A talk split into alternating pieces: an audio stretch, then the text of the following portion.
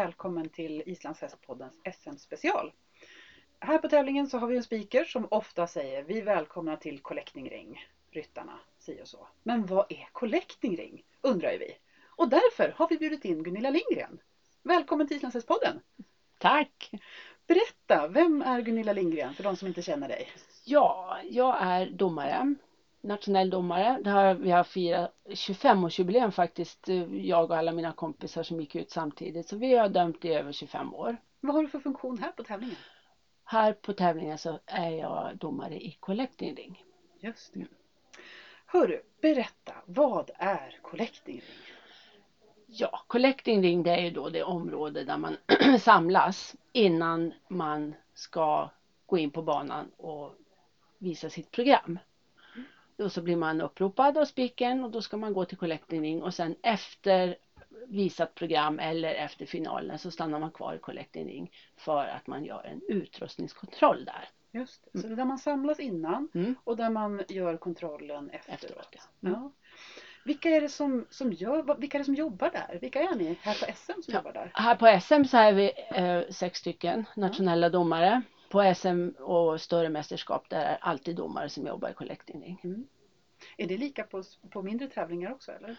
På mindre tävlingar då brukar man göra utrustningskontrollen. Då, då gör de domare som dömer det. Eh, Just det, alltså de som sitter inne på banan. de som sitter inne på dam, banan och dömer de får springa iväg på de som har blivit utlottade till utrustningskontroll. Och sen så kan man då ha i collecting ring någon pålitlig person. För där sätter man ju också på banden. Just det. Ja, om man till exempel har flera på banan samtidigt så Mm. sätter man på de här färgmarkeringarna där också. Just det. Precis. Så det gäller att hålla ordning på vilka ryttarna är så att det Mm. blir rätt band och domarna sätter Japp. rätt poäng på rätt ryttare. Ja. Det är jätteviktigt. Vilka får vara collecting ring?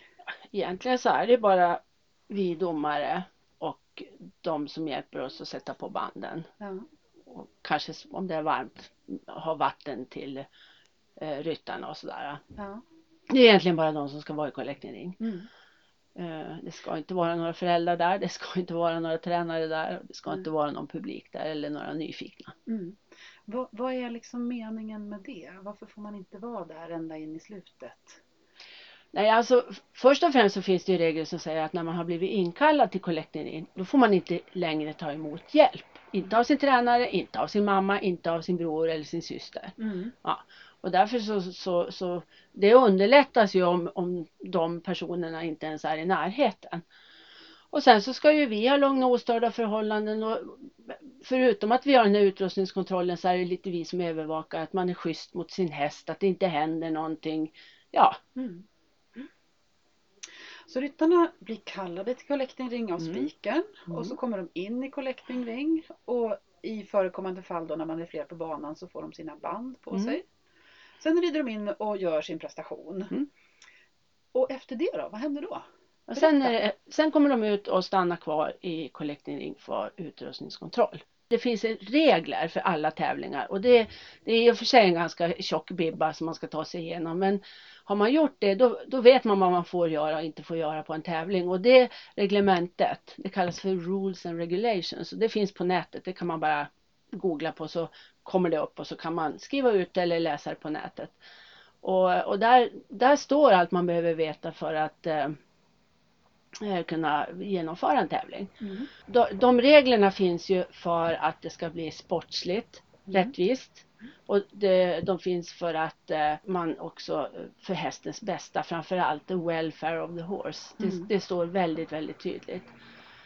Så för att det ska bli sportsligt bra, rättvist och för att hästarna ska må bra så finns det här regelverket. Mm. Och det, för, för vår del så omfattas ju då utrustningskontrollen av att vi tittar att man har rätt tillpassad utrustning, att man inte använder någon otillåten utrustning. Mm. Det ska vara grejer som är liksom utformade för islandshästridning och sådär.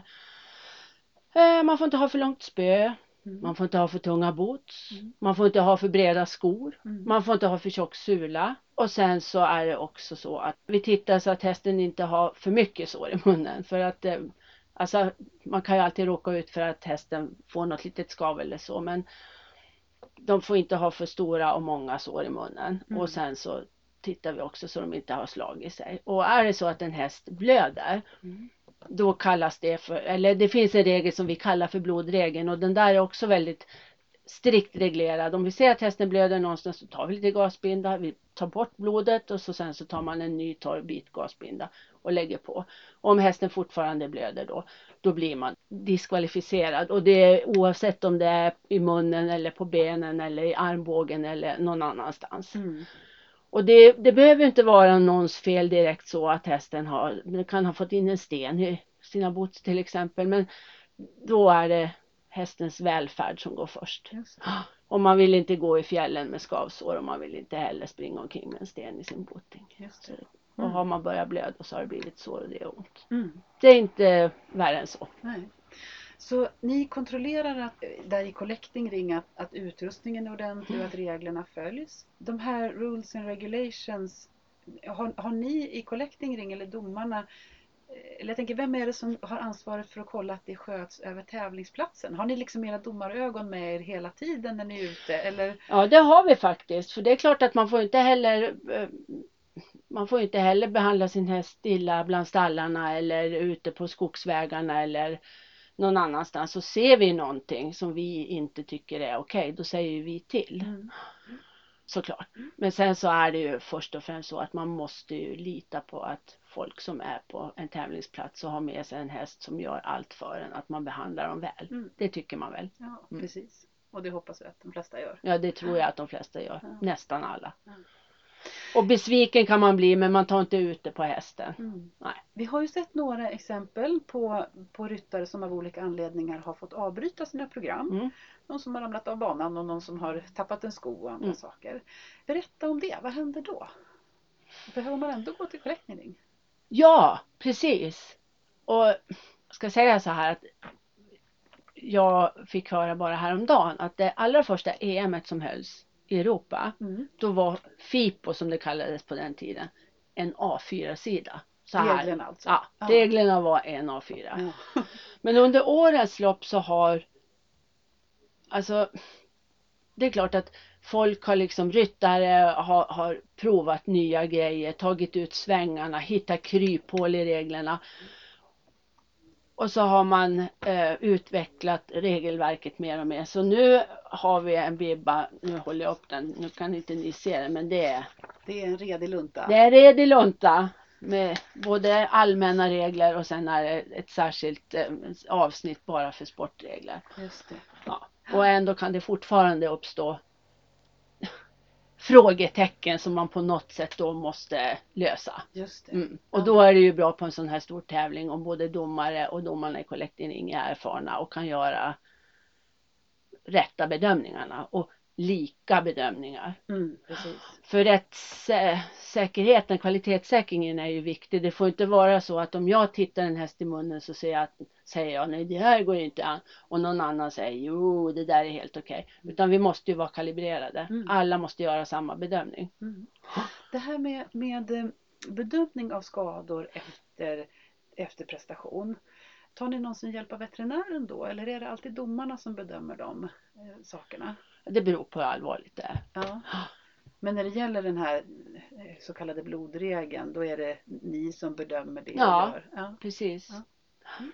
Men eh, alltså eh, på, på ett bra välfungerande SM så har ju collecting ringdomarna och veterinären kontakt. Mm. Och det har ju vi också. Mm, precis.